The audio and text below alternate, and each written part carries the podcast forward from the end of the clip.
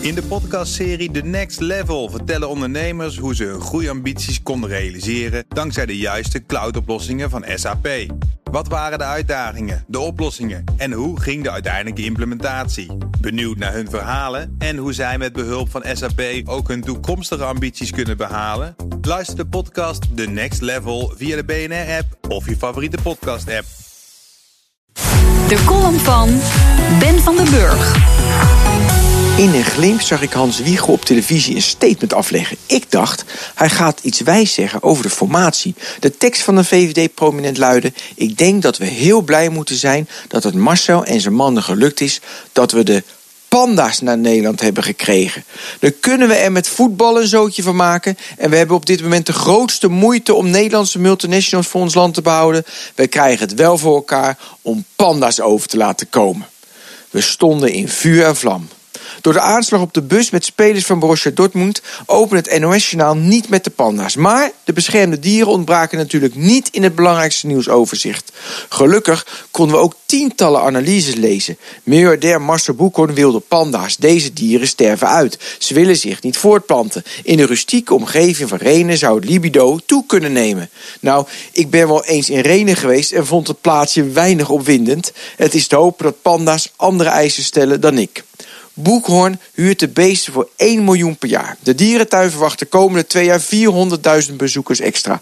Het gaat echter niet om de business case. Panda's moeten worden gered. Dat schijnt in Nederland beter te kunnen dan in China.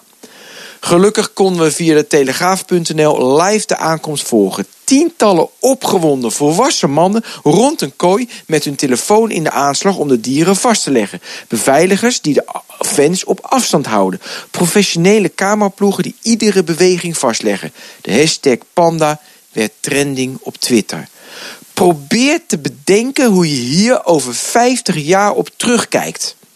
Ik lees over de negenjarige Nano Russo in de Belgische krantenmorgen. Hij behoort tot een nieuwe generatie en dat is de Linkstar. Mensen geboren na 2002 die het pre-digitale tijdperk hebben overgeslagen. Nano vindt het begrip buitenspelen achterhaald. Zijn primaire activiteiten onderneemt hij met digitale devices. Trendwatcher Jos Alen zegt erover... het woord offline is eigenlijk oude mensentaal.